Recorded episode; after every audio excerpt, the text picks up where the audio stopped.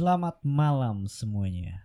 Balik lagi di podcast Opini Tengah Malam. Jadi hari ini adalah episode spesial. Apa, Fet? Ke 100 Asik. Jadi episode 100 itu menurut gua jadi salah satu episode yang spesial gitu. Jadi kita akan mengadakan Q&A. gue jadi merasa ngikik sedikit deh pas, pas ngadain Q&A. Tapi menurut gue ini adalah salah satu episode yang spesial. Lu nyangka gak sampai 100? Ya Dari awal lah. Hah? Maksudnya udah 100 udah 100 episode kita ngoceh walaupun gua mungkin 80 lah, 80 lah. Hmm, Lu pikir ya? Is? Sudahan 80 udahan. Maksudnya dari 100 episode gue 80 kali. Gimana Is? Kalau maksudnya kira-kira nyangka gak sampai 100 episode dalam waktu satu setengah tahun ya? Satu setengah tahun lah. Enggak sih orang iseng-iseng doang. Iya ya. iya. Itu nggak ada yang mau nanya ya. Kalau enggak enggak jadi Q&A nih. iya, untung, untung aja ada yang mau nanya nih. Jadi E. Pokoknya intinya ya, ini akan seru banget karena Q&A-nya itu akan seputar film sama konspirasi. Jadi ada beberapa pertanyaan yang menurut gua uh, film banget kayak film favorit, film underrated. Nanti akan kita bahas di sini. Terus Bang, konspirasi apa sih yang pengen lu bahas tapi nggak bisa nih? Kita akan jawab juga di sini. Ada pertanyaan-pertanyaan yang cukup aneh juga akhirnya. Ternyata ada berarti ya penonton yang cukup loyal ya. Jadi eh, pakai kacamata konspirasinya tetap open minded. Balik lagi di podcast opini tengah malam.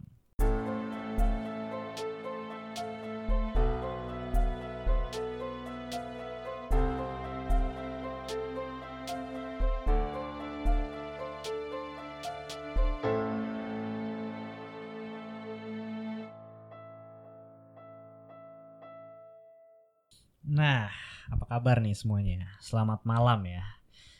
Dan hari ini tentu episode ke-100 gitu. Jadi gue mau ngucapin sebenarnya sih makasih nih asik, buat orang tua saya.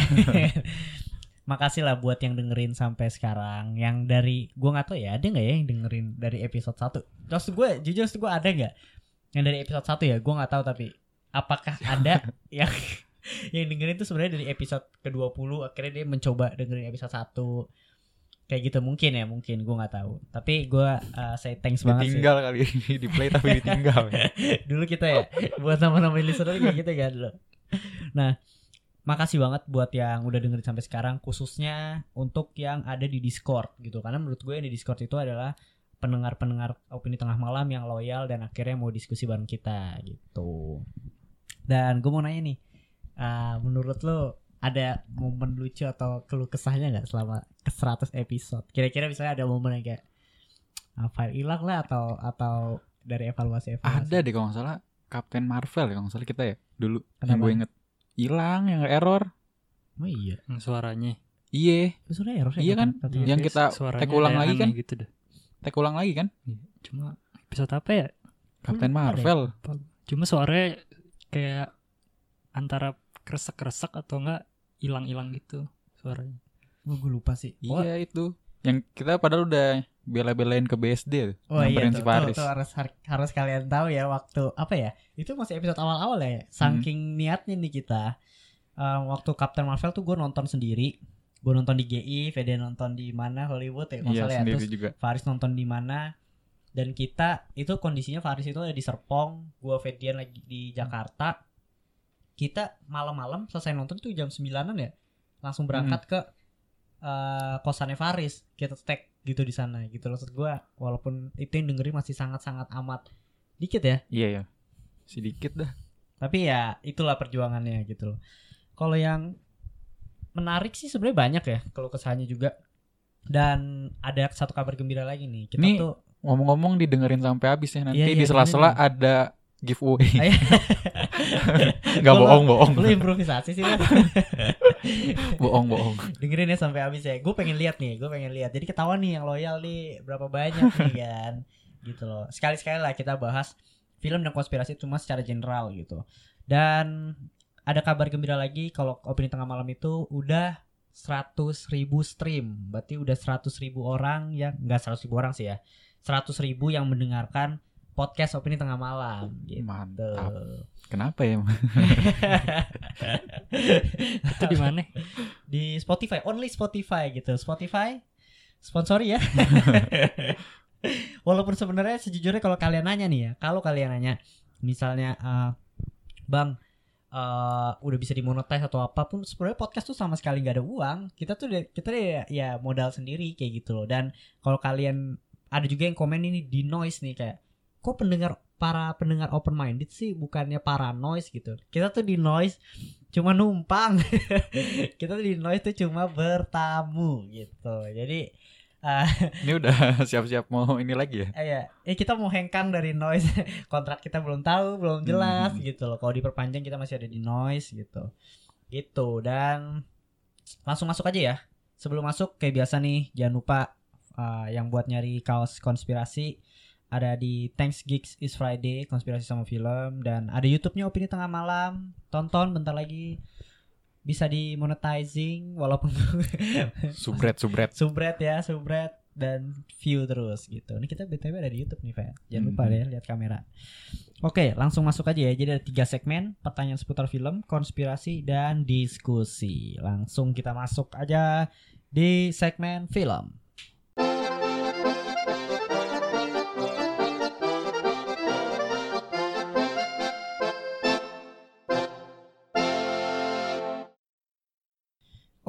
Oke, kita akan bahas segmen film. Kita akan baca-bacain komentar-komentar yang ada di Instagram. Lumayan untungnya ya. Ya ada beberapa lah, belasan lah gitu loh.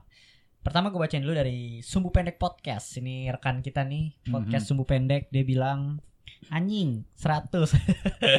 Congrats brother, brother-brother aing katanya. Ya, thank you Mantap. banget. Kita satu angkatan sama Sumbu Pendek Podcast, cuma kita Hmm. duluan yang nyentuh 100 karena kebetulan kita rajin aja ya Iya. kita rajin Nggak ada Pak, kerjaan gitu. aja. Nggak ada kerjaan saya dan dari Muna Rifan.n film thriller terbaik menurut kalian yang wajib banget ditonton langsung dari Ferdian mampus lu Fed Anjir, apaan film thriller ya? Yo kan Yang bikin takut ya? iya Apa yang bikin takut ya? Horor sama thriller tuh beda kan? iya kalau horor tuh masuk horor. iya. Mother Gue dulu Mother sempet nonton itu Mother. sempet takut sih Mother Pak. Mother yang itu loh Tapi itu horor juga ya Mama. Oh iya Mama Mama apa sih gila sorry Oh, iya. Inggris Gila, jadi-. Oh iya Mama Jadi Mama film dramanya Mother.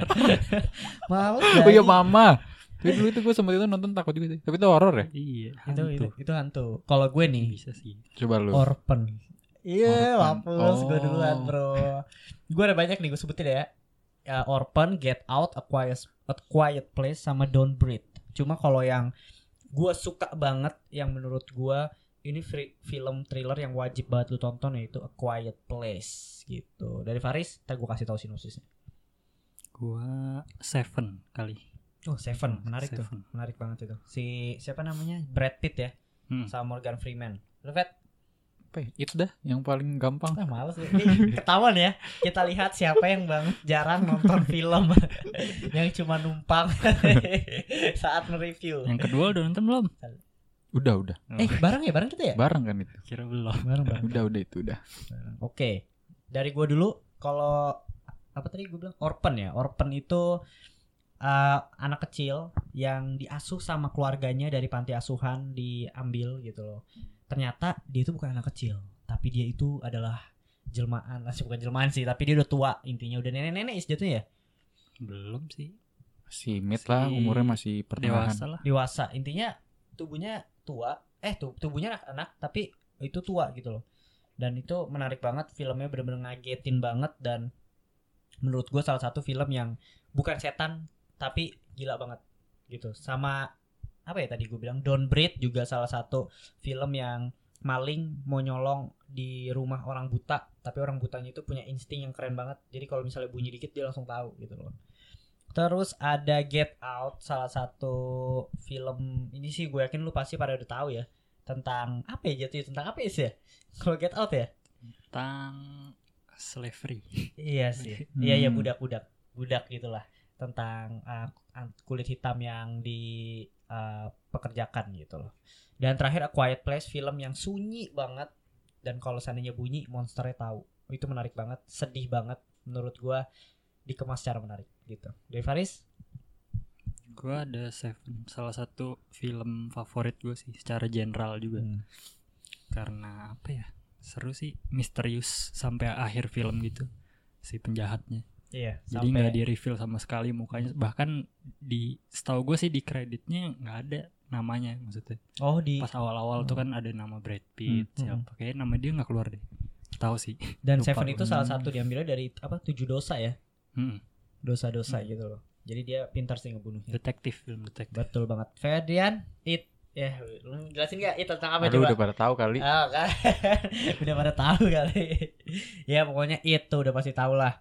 Menarik banget itu it salah satu it yang pertama khususnya ya. Gila banget ya. Iya iya. Serem banget, serem parah Soalnya yang kedua mirip-mirip sih itu formatnya. Bener banget. Dan ini dari Karen eh, apa namanya slash NN. Film underrated menurut kalian apa aja bang? Katanya. Fat, lu bisa mau Fat? Lu Apa ya tadi sempat kita diskusi sih. Gue juga kebingungan. Cuma yang kita bahas tadi searching ya. Iya searching bener banget. Itu salah satu film underrated yang sejujurnya juga kita bertiga nonton bareng ya. Mm-mm. Kita nonton bareng. Ingat banget kita nonton karena diskon yang jadi kita film Iya. apa aja kita tonton ya. Mm-mm. Dan kita pikir film yang cuma mencari anak hilang dan itu dari webcam doang ya, dari layar kayak dari komputer sudut doang ya. pandang ketiga gitu ya berarti ya. Iya. Dan itu bener-bener gila banget. Dan pas gue nonton, wah gila nih film. Gue gak tahu ya budgetnya, gue yakin juga nggak gede-gede banget. Tapi eh, plot ceritanya, penempatan plot twistnya itu gila banget. Itu gua iya, di, di akhirnya keren juga ya. Iya. Cuma sayangnya mau dibuat yang kedua ya katanya ya. Wah kurang Mau tahu dibuat gue. yang kedua, gue isunya mau dibuat yang kedua. Aduh, padahal menurut gue udah perfect banget nih. Kalau hilang bapaknya yang hilang bapaknya. ya. Tapi kalau mau dibuat yang kedua pun ya, tanggap menurut gue pribadi ya harusnya jangan ngambil dari si karakter atau keluarga ini lagi sih. Hmm. Kayak menurut gue udah abis lah cukup di situ. Gitu kalau dari gue. Faris, underrated is?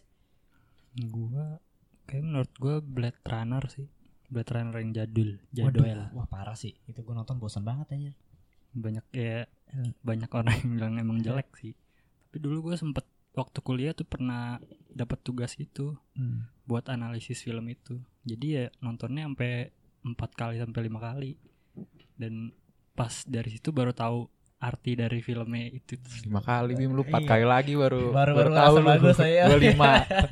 ternyata meaningnya mantep banget anjir tentang exis- existential crisis gitu keren banget. Iya Blade Blade Runner gue nonton sekali tuh karena gue pengen nonton Blade Runner yang yang kedua itu gila banget menurut gue bagus banget gitu karena nyambung kan cukup nyambung lah ya Mm. jadi gue harus nonton itu juga itu menarik sih Blade Runner dan kalau gue Burit termasuk gak ya Burit yang main Ryan Reynolds. Gue belum nonton. Itu adalah salah satu film yang menurut gue low budget tapi gila banget. Jadi filmnya itu cuma di dalam kuburan. Film itu cuma di dalam uh, peti mati. Jadi si Ryan Reynolds kejebak dikurung sama teroris dan mau di uh, jadi di dalam kuburan itu oksigen itu terbatas. Kalau nggak salah cuma beberapa jam. Hmm. dan dia cuma punya satu HP satu stick lamp Hmm. Lampu yang dipatahin gitu sat- sama satu korek api gitu. Dan menurut gue itu gila banget karena cuma di dalam satu tempat kamera dari dari sejam sampai akhir lu nelpon uh, apa ya CIA gitu loh. Hmm. suruh sabar sabar kita akan nemuin kita akan nemuin tempat lu dikubur di mana gitu loh. Tapi di sisi lain oksigen makin habis dan tanah makin makin makin ke dalam Turun. gitu makin turun. Jadi itunya mau hancur. Itu gila banget. Itu menarik banget. Burit ya Ryan Reynolds kan jadi ingat ada film ini Phone Booth dulu gue nonton di Global TV apa tuh Yus? Apaan? seru banget sumpah gue nonton masih kecil tuh iseng-iseng doang kan nggak ada kerjaan Hmm. terus di Global TV ada film judulnya Phone Booth yang main Colin Farrell sama Oh, di siapa tuh ini ya di ruang eh di Iya di di Ah, apa telepon namanya? wartel ya telepon wartel telepon umum Kok telepon gue tiap kali buka global filmnya itu lagi itu lagi. Iya, jadi intinya tuh dia di apa ya dia ke telepon umum pengen coba nelpon orang Hmm. tapi tiba-tiba teleponnya bunyi Hmm. Pas dia nelpon orangnya tuh kayak ngancem gitu Red.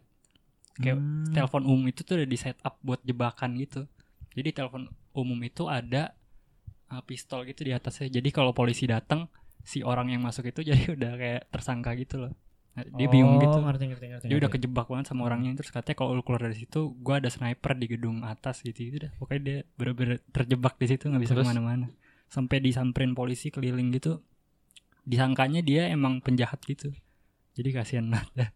menarik Keren banget. tuh. Eh, underrated jadi pengen nonton juga tuh yang itu. Kalau lu gimana lu dijebak-jebak gitu? Aduh nggak tahu dah. Kayak dia kalau nggak salah sih dia ngancem. Oh dia tuh orangnya kayak eh, jahat gitu loh. Kayak apa ya? Pokoknya punya dosa dosa gitu dah. Dia disuruh ngaku. Kalau dia tuh Oh. selingkuh kalau nggak salah deh. Kalau kalau nggak salah tentang perselingkuhan Eh, gitu. Sama sama sama. Burit juga gitu disuruh ngaku. Iya, lu, disuruh ngaku. lu harus ngaku kalau lu pernah ngakuin ini ini kalau Hmm. enggak ya itu dah. Gue pengen banget spoiler ya sebenarnya. Tapi endingnya tuh plot twist banget. Plot twist nggak yang Von Boot? Enggak sih. Hmm, kalau yang Burit plot twist. Menarik tuh ya. Ada Von Boot, Burit dan Searching gitu. Dan lanjut lagi nih dari Devanastio. Oh, ini menarik banget dia. Gue nggak tahu kenapa dia pertanyaannya dia strik-strik banget ya. Film dan series favorit masing-masing gitu. Dari gua kalau series Dark Series. Itu gila banget, lagi ongoing season 3-nya dan mungkin kita akan bahas. Faris, gue udah tebak sih Faris kalau series mah. Gue juga tahu sih. Apa? Puluh-puluh kali beratus kali udah. Breaking Bad. Breaking kan. Bad. Gitu. Lu Fat? Kok gue apa ya? Gue kebanyakan komedi sih gue lebih suka. Cuma eh, apa ya? Kalau bisa gue sebut mungkin Brooklyn kali ya. Gue dikasih tahu Faris kan tuh Oh, Brooklyn dalam 99. iya dalam Nah. sehari gue bisa ngabisin berapa tuh waktu itu Gila banget sih. Malah itu. gue belum selesai. karena jokesnya nyambungnya Itu sama di gue sih Netflix ada ya? iya ada Berarti semua nih kita ada di Netflix ya? Mm-mm. Gila. Netflix sponsor ya? Jadi kalau gue sih sinopsis singkat aja anak hilang dan akhirnya memainin plot dengan time travel gitu. Jadi perjalanan waktu gitulah kurang lebih. Menarik plot twist. Gue suka banget. Haris Breaking Bad. Bad tentang guru kimia yang kena kanker, akhirnya dia mencoba jalan kriminal gitu. Oke, lu Fat?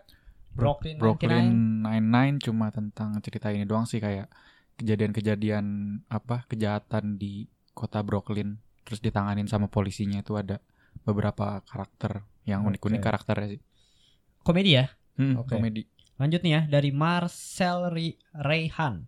Nah ini kita gabungin nih sama si Devi Natso kan dia uh, bilang film favoritnya juga film favorit sepanjang masa Kak Faris Kak Bimo. Aduh ada lu juga nih. gue? Gak ada anjir. Iya dia nggak ada, lu nggak ada, tapi lu di Devi nggak ada, Oh. makanya gue jadi satu nih.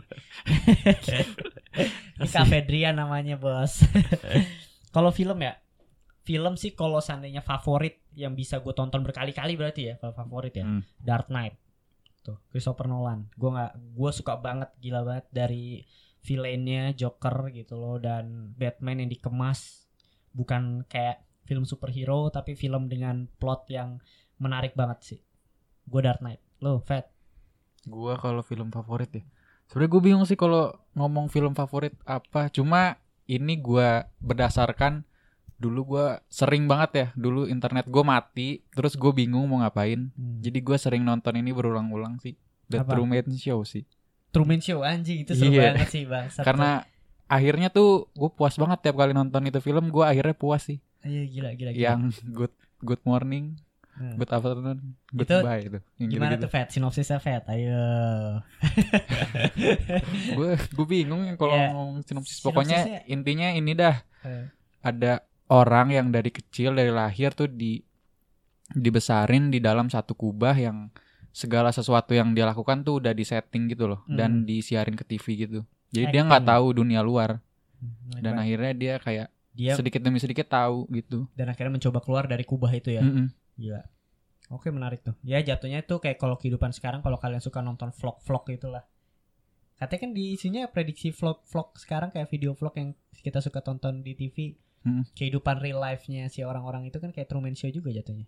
Hmm. Kayak gitu cuma mereka sadar ya bedanya gitu. Is Apa ya sejauh ini masih Interstellar kayak yang gue masih enjoy nonton berulang-ulang. ya, Ya Interstellar banyak sih yang yang lain cuma yang yang nomor satu kayak yang dari segi kualitas paling bagus kayak Interstellar sih. Interstellar iya gue juga salah satu Nolan ya berarti dua Nolan nih gitu Interstellar salah satu film favorit yang wajib banget kalian tonton dari Kevin underscore 1 underscore 2007 dia ada dua pertanyaan nih jelasin dong film Inception gue masih nggak ngerti sama filmnya. Jadi siapa nih mau jelasin Inception? Ih, Kita Median, tunjuk tangan lempar ya. ke Paris aja dah gue Ya.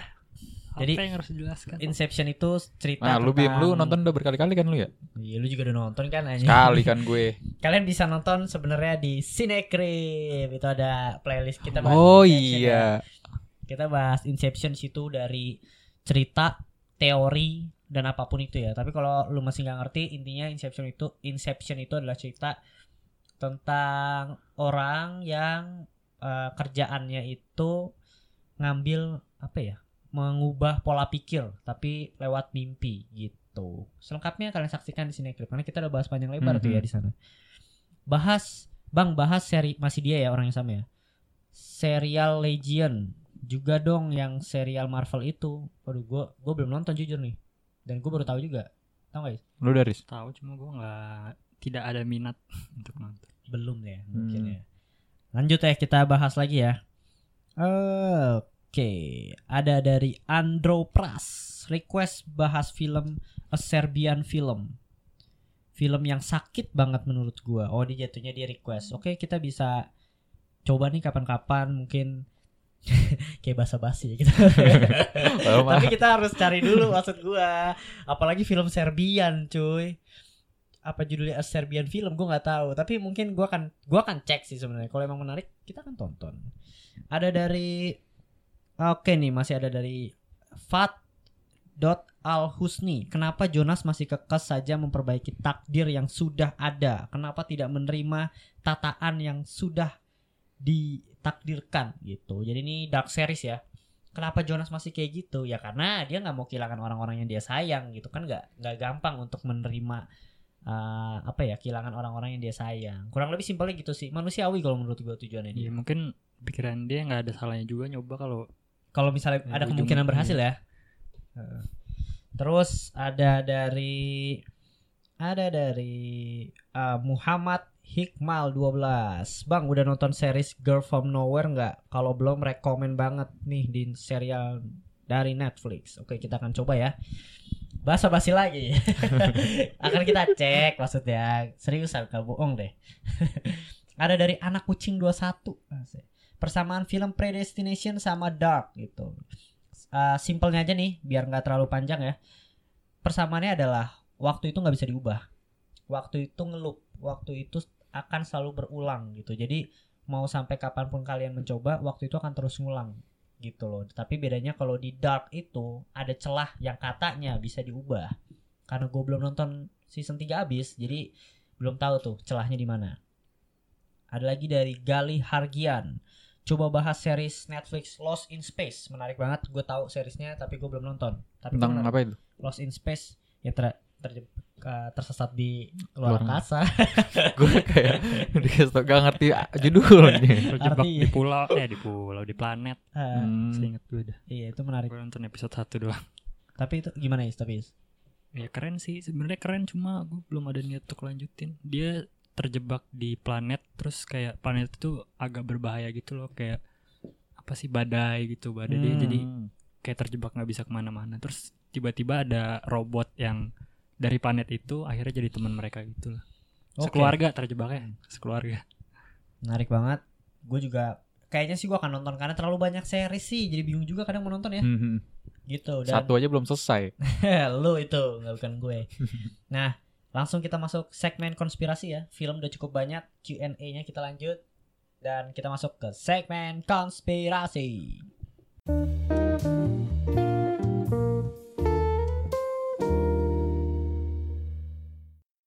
Nah, segmen konspirasi cukup menarik nih. Pertanyaan-pertanyaan menurut gue cukup kritis gitu loh. Hmm. Yang sedikit-sedikit menjebak kita untuk viral karena kesalahan omongan kita. Janganlah biar diundang Dedi. oh, iya. klarifikasi tapi diundangnya. iya ya.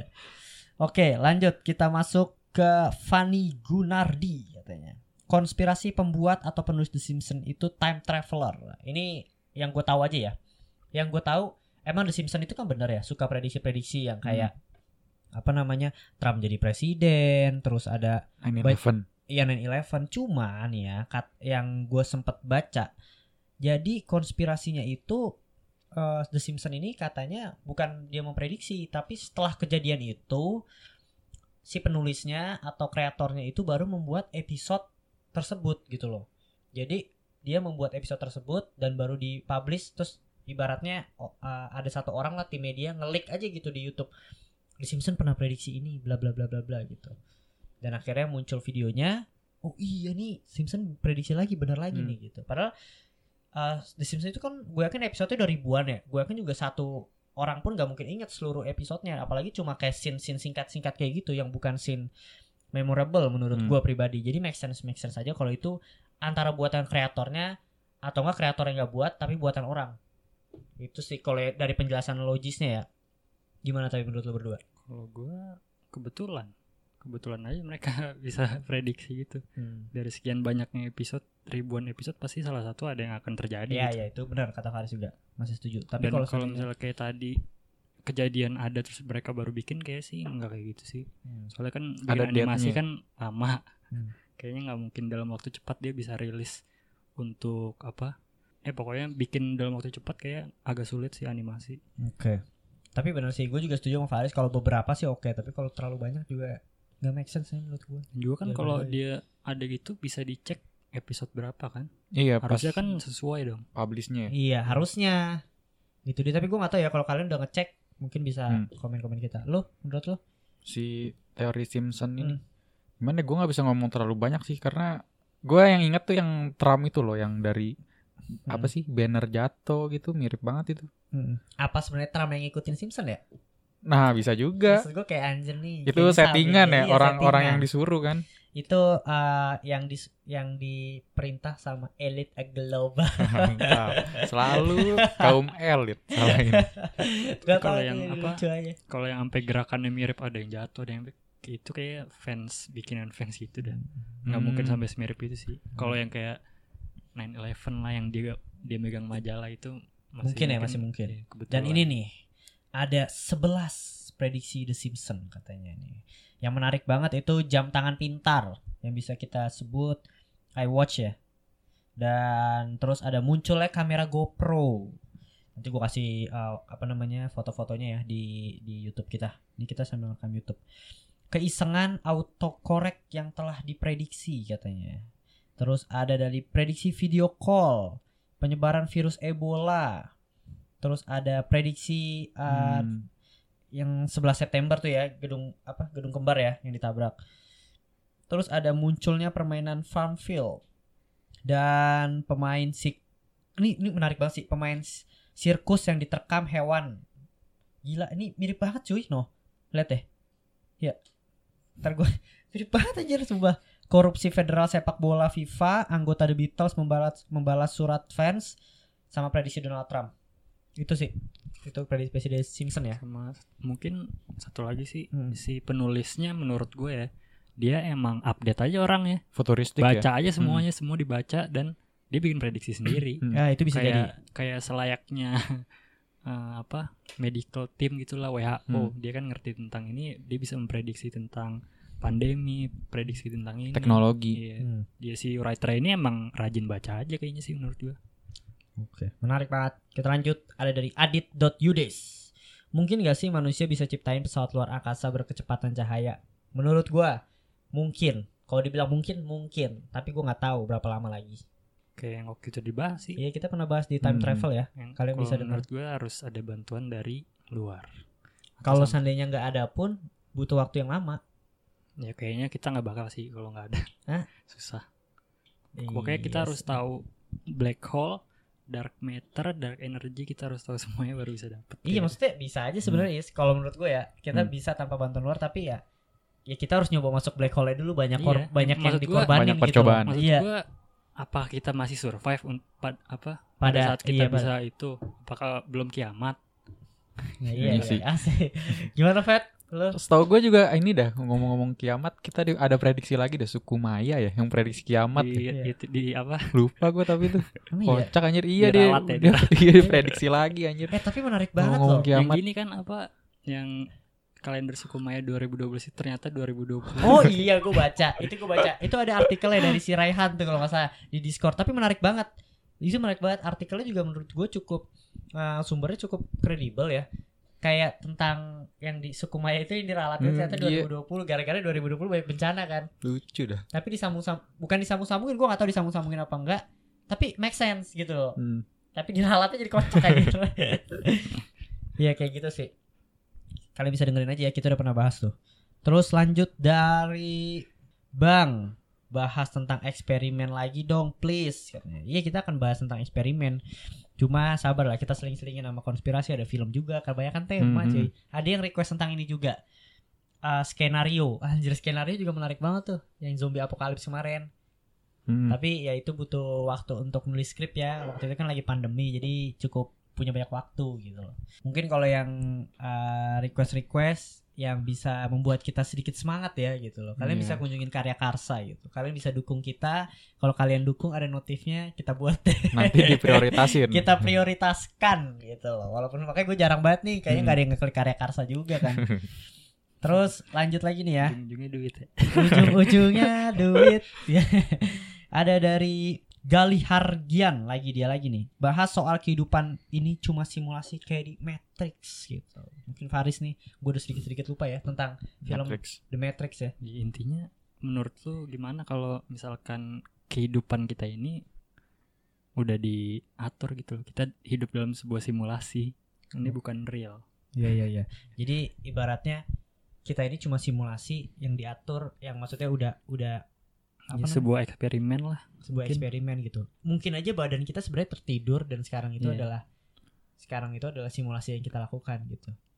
Ya, kayak gitu sih. Bisa. Menurut gue pribadi ya kalau saya dibilang possible sih gak kalau menurut gue ya karena gue sih sejujurnya sebagai orang yang cukup beragama ya Iya. ya anggap aja kita Oh, yang tapi- aslinya eh, di surga di surga. Iya, iya, aslinya kita di surga ya. Nah, Possible. Kayak gitu sih. Tapi ya kalau untuk simulasi dan lain-lain sulit aja gitu gimana kita mengetahui eh, kebenaran yang kita jalani nih. Kayak clue-cluenya. Hmm. Apakah clue-cluenya itu adalah clue-clue yang konspirasi yang ada sekarang yang sudah diatur oleh elit global? mantap. dua kali ya elit global disebut dalam podcast ini. ada ya. ya. Kayak gitu. Itu Faris gimana? Ya mungkin mungkin aja sih. Mungkin jawabannya pas kita mati nanti. Iya ya, baru ketahuan ya. Baru ketawa deh. Tiba-tiba pas bangun kan. Oke, lanjut lagi nih dari Muhammad Hikmal. Bang, bener nggak sih kalau kita melakukan time traveler itu melanggar aturan Tuhan? ya kalau yang sejauh ini ya, sejauh ini kalau lo mau uh, realistisnya melanggar sih enggak. Gue nggak tahu ya, tapi melanggar sih kayaknya enggak nih. Kayaknya enggak nih kalau Ragu-ragu. Terus Tuhannya di atas eh, eh, eh. kalau mel- melanggar sih kayaknya enggak cuma kalau dari apa uh, kitab-kitab uh, ya maksudnya dari kepercayaan Hmm. gua itu nggak ditulisin gitu loh bisa time travel Iya. apa enggak tapi dibilang melanggar sih kayaknya enggak ya Kalau ditulis keren kali. Tapi itu merubah takdir yang sudah ditetapkan. ya kalau seandainya Tuhan men- menetapkan Heeh. lu time travel gitu loh jadi waktu itu terus Gila. terus maju paham gak lo? Oh, iya. serius sih seru banget nih tapi serius maksud gua lu paham gak waktu itu terus maju jadi Hmm. kalau lu balik ke masa lalu itu bukan masa lalu tapi itu masa depan lu paham gak lu Hmm. Jadi waktu tetap lurus sesuai gitu. Nah Tuhan udah menggariskan itu. Bukannya waktu yang lu balik ke masa lalu lu bisa ngubah masa lalu dan akhirnya masa depan berubah ya. Kalau itu nggak mungkin. Hmm. Kalau dari maksud gua kalau sebagai gua uh, berpikir secara ini ya agama ya itu nggak mungkin. Tapi kalau sebagai gua open minded itu mung apa mungkin mungkin aja. Walaupun tadi lu bilang kan melanggar aturan Tuhan apa enggak. Kalau yang nggak melanggar ya itu tadi. Balik ke masa lalu itu masa depan. Gitu. Lu gimana Fed sebagai orang yang lebih Apaan? Juga takut salah ngomong nih. V. Apaan ya? Gimana ya? Pel- Ya, enggak melanggar apa enggak? Dah melanggar atau tidak? Iya, udah. Jawab aja. Kalau menurut gua Ah, melanggar lah. melanggar, oke. Tapi possible enggak? Possible. Kakak kayaknya. Yes gimana, Yes? Kalau gue mungkin bukan melanggar sih, lebih ke bermain Tuhan kayak deh. Hmm. Karena lu kayak nggak decide, Hmm. nggak decide untuk mengubah sesuatu eh, demi keuntungan diri lu sendiri aja. Hmm, Hmm, benar-benar. Menarik tuh. Nah itu tuh, tuh Faris dah recapnya ya. Hmm. Intinya kalau saya bisa time travel pun ingat kalau itu takdir Ini Tuhan. menjebak gitu. ini pertanyaan Iya, ini. Muhammad Hikmal nih nggak jadi deh nggak dibacain dia ada banyak pertanyaan ini sih. Ini ada lagi dari Yayan Rudian. Yayan siapa nih baca Fet? In Yang Ruhian. Iya. Indril. Menurut kalian apakah konspirasi paling nyata yang paling bisa diterima di, di masyarakat gitu? Wah, ini menarik banget nih. Kita bisa buka dari episode-episode kita yang Hmm. bahas tentang konspirasi ya. Lu Banyak. dulu, Fet. Banyak. Apa, ya. Banyak ya konspirasi yang kita udah bahas tuh bisa dicek. Tapi yang Hmm. paling masuk akal kemungkinan kita sama ya Riz ya. Iya. Eh, gua sama Faris Marianas Web. Wis Mariana Web. Iya. More than deep web or dark web Mm-mm. gitu loh. Jadi emang itu web paling terdalam yang menyimpan rahasia tentang seluruh kehidupan di dunia termasuk apa namanya katanya uh, agama-agama kita Mm. kita peda di situ dan banyak lagi lah. Mau diaksesnya juga harus pakai kuantum Iya, komputer. komputer kuantum yang harus dengan suhu yang parah, yang dingin banget dan lain-lain lah itu itu menarik banget sih. Tapi mungkin kalau yang kayak sampai suhu dan lain-lain itu gue nggak tahu ya itu benar apa enggak. Tapi Mariana Web mungkin menurut gue berada kayak gitu karena emang sejujurnya ya setiap apalagi dunia ini yang serba digital perlu satu aset digital yang nggak bisa ditembus sama siapa pun. Hmm. Kalau menurut gue kayak gitu. Kalau dari gue pribadi itu gue sih yang pertama ada eh, hewan yang di bawah laut ya hewan di bawah Hmm. laut yang monster gede-gede gue percaya itu ada walaupun itu masih konspirasi ya dan The Pullock Twins yang kembar Iya, iya. itu menarik banget lu kalian harus dengerin The Pullock Twins episode opini tengah malam anak kembar reinkarnasi itu menarik kisahnya parah banget menarik dan yang kedua adalah Kota Maju di Saranjana. Asik kalimat menarik banget cuy. Naik lagi beritanya kalau Hmm. lu tahu. Ada lagi beritanya. Kalau tentang eh, di ini menarik kota Saranjana kota mistis gitu-gitu Oh, lagi hmm. diangkat sama satu portal berita. Tribun asik enggak bukan ya. Ada lah pokoknya ada. Lanjut lagi ya kita bahas selanjutnya. Itu ada oh ini ada Muhammad Driviki kasus John Wick K asik gue gak mau gue Beta Gua tidak berani. Iya. kita bukan yang mau bahas, tapi kita masih pengen berpodcast. iya. Yang penting kalian kan udah bisa baca ya? cepet selesai aja lah Iya cepat selesai kasusnya dan kalian udah bisa baca lah di banyak banget portal berita Hmm. gitu, tentang kasus John Wick ini. Terus lanjut nih ya. Eh konspirasi film pocong yang tak pernah tayang. Tuh tadi Ferdian tuh. Oh, konspirasi pocong. Sebenarnya itu bukan konspirasi sih, cuma Hmm. itu di dalam filmnya mengandung backstory kekerasan tahun 98 itu. Oh, Oke. terlalu sensitif. Mm-mm. Iya terlalu sensitif, bener banget. Ada lima poin tapi tapi itu yang paling masuk akal kenapa tidak Yang boleh udah- tayang. Hmm. Yang udah menjelaskan banget dah. Mm-mm. Hmm. Intinya poin secara garis besarnya adalah terlalu sensitif. Walaupun itu film horor ya. Kenapa? Hmm, Dia hmm. menyelipkan Iya. atau gimana gitu. Gue nggak tahu lah.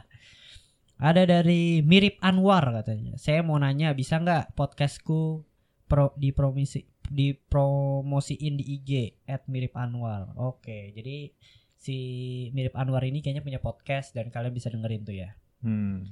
gitu dan ada nggak konspir dari Yayan lagi nih ya ada nggak konspirasi yang udah ketahuan kalau itu cuma bohong settingan dari elit global Tiga. gitu. Maksudnya ketahuan kalau itu cuma bohong pasti. maksudnya mungkin uh, udah ketahuan ah, ini mah bohong cuma make dicocok logi cocok logi aja gitu mungkin salah satunya kalau dari gue adalah Adele dan Sam Smith adalah satu Oh. orang kayak gitu Gue kira konspirasi yang ketahuan kalau itu beneran ada.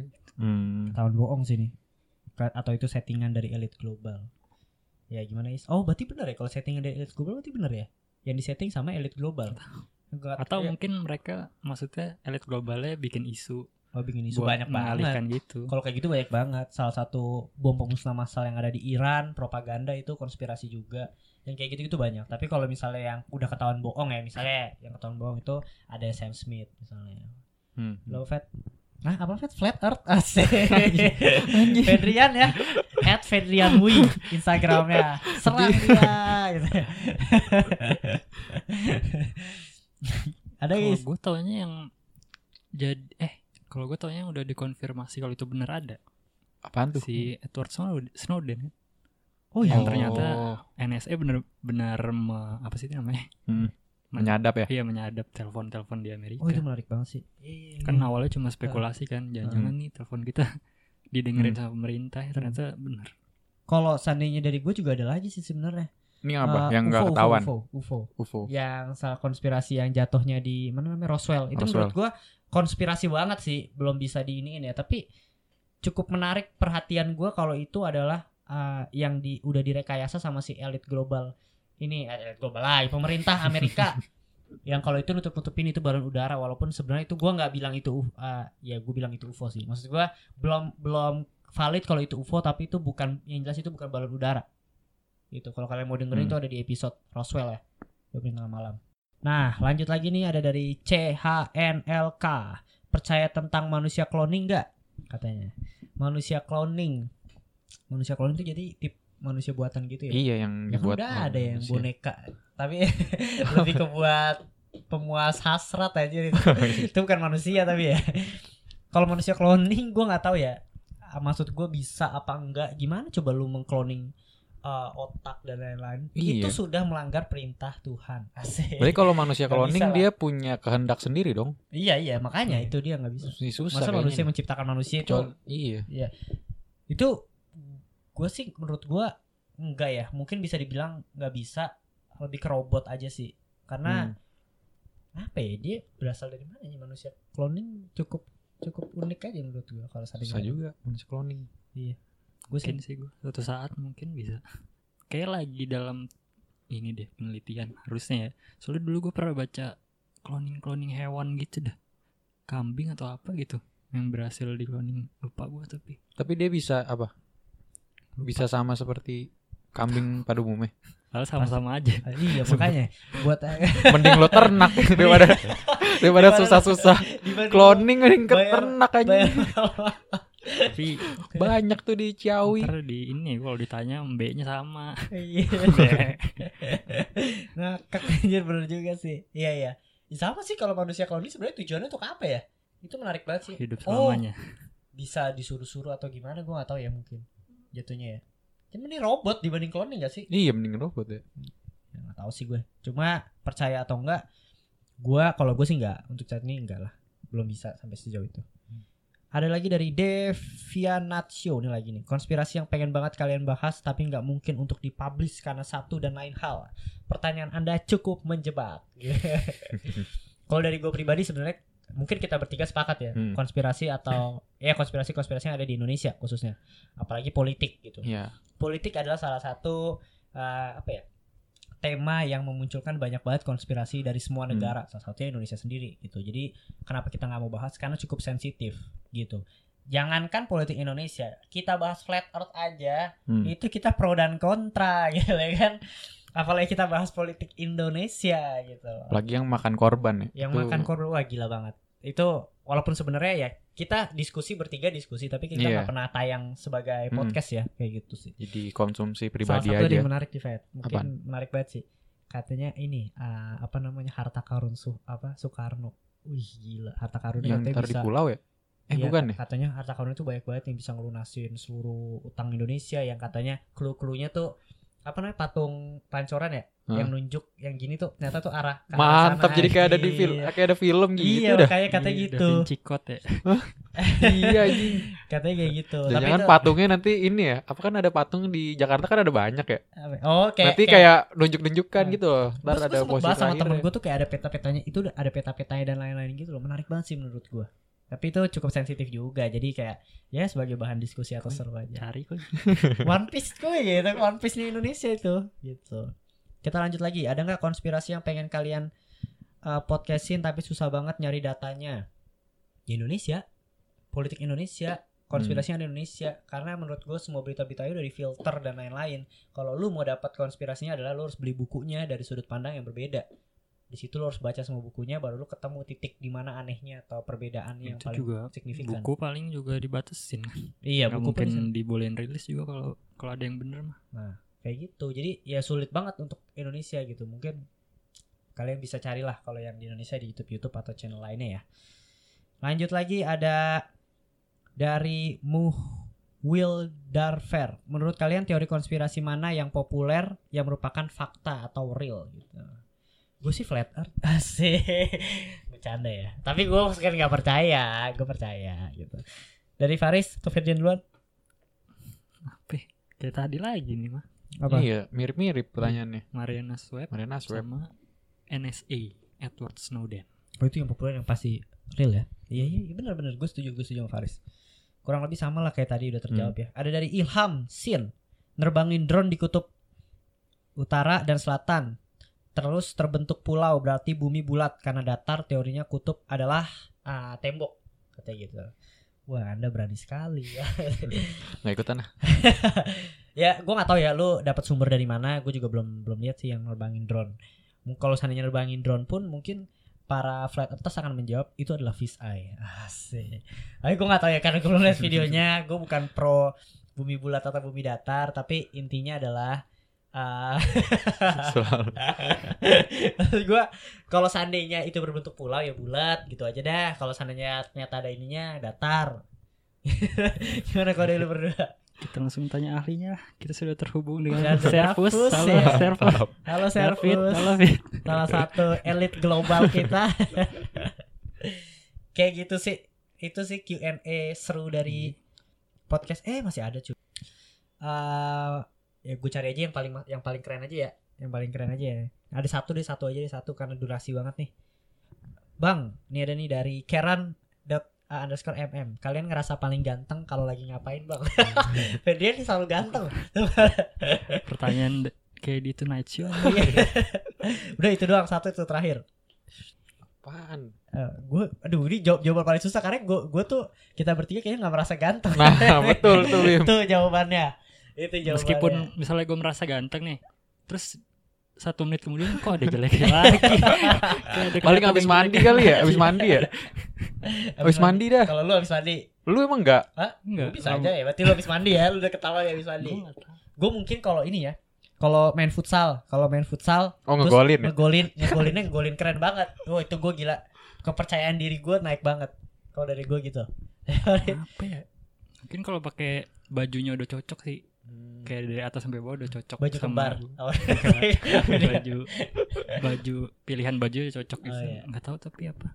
gitu iya Itu sih. kalau gue udah ngerasa ganteng, Abis nolongin orang, abis nolongin orang. Nah, itu juga. lagi. itu nah habis nolongin orang apalagi yang lain cuma videoin ya Nah. wah itu ganteng banget walaupun gue belum Oh, pernah ini kok enggak ya? Bang standarnya. oh, iya. naik motor ya bang standar terus pas dia anjing ganteng banget gue gitu. Tapi kalau itu prank ya. Ini prank. habis prank. Gitu. kayak gitu sih. Itu uh, kita kepentok durasi sebenarnya masih ada jutaan komen. Masih ada masih ada beberapa komen yang tentang seputar apa ya? General yang kayak tadi Hmm. tuh paling ganteng dan lain-lain. Cuma durasi udah habis dan yang kita prioritasin adalah film dan konspirasi. Jadi thank you banget buat yang udah komen Q&A asli opini tengah malam. Mungkin kita bisa buat special episode episode untuk Q&A Fedriar. bercanda ya bercanda. Tapi kayak gitu kita mungkin akan buat Q&A ketika momen-momen penting aja ya. Kayak 100 hmm. episode, 100 berapa dan lain-lain. Thank you banget buat yang udah dengerin. Ini adalah episode ke-100 seratus ribu stream juga yang dengerin di podcast opening tengah yeah. malam gue sangat sangat makasih banget dan itu yang membuat kita semangat walaupun kita -hmm. belum dapat uh, air ya, ya seenggaknya ada gitu. yang dengerin lah seenggaknya ada yang dengerin dan komen follow -hmm. instagramnya nonton youtube-nya gitu mungkin harapan untuk ke depan ini asik jadi itu itu kayak. kalau dari gue sih sebenarnya bisa konsisten aja mm. dan semoga kita bertiga nih masih di satu frame yang sama sampai terus lah jalan lah gitu. Maksudnya nggak ada satu yang keluar atau Ntar diterusin anak gue, anak lu ya. jadi ini ya. Jadi Kalau mau punya anak, Ya. cloningan Kan gue. bisa. anjing. Gitu sih kalau dari gue. Lu Fet? Ya, paling awalnya juga mau bilang makasih lah udah pada dengerin semua. Kok jadi sedih ya anjing goblok. Gak aja. Getar lagi suaranya. Serius. Suaranya getar lagi. Iya. sedih anjing. Harapannya ya dengerin terus aja lah. Paling kasih masukan kalau ada kenapa-napa nggak usah ragu lah ya. Iya, iya, iya, iya, iya. Bener gak sih? Suaranya jadi berat. Bener, bener, bener, bener. Dia udah nangis nih. Kalau di YouTube kalian bisa lihat ya. Iya, tuh bener. Kasih masukan jangan ragu-ragu lah. Kita terima kritik dan saran. Faris? Kalau gue berharapnya semoga ada waktu aja sih. Sekarang musuh gue cuma waktu aja. Iya Iya bener. Nah itu dia maksud gue. Kita berharapnya bisa tetap di satu frame yang sama gitu loh. Nggak Hmm. kepecah lah gitu loh. Walaupun seminggu sekali at least gitu loh. Walaupun kita nggak tahu ya ke depannya nanti gimana. Doain aja ya gitu. Dan tetap dengerin terus podcast Opini Tengah Malam. Semoga bisa lanjut di episode-episode berikutnya. Bye.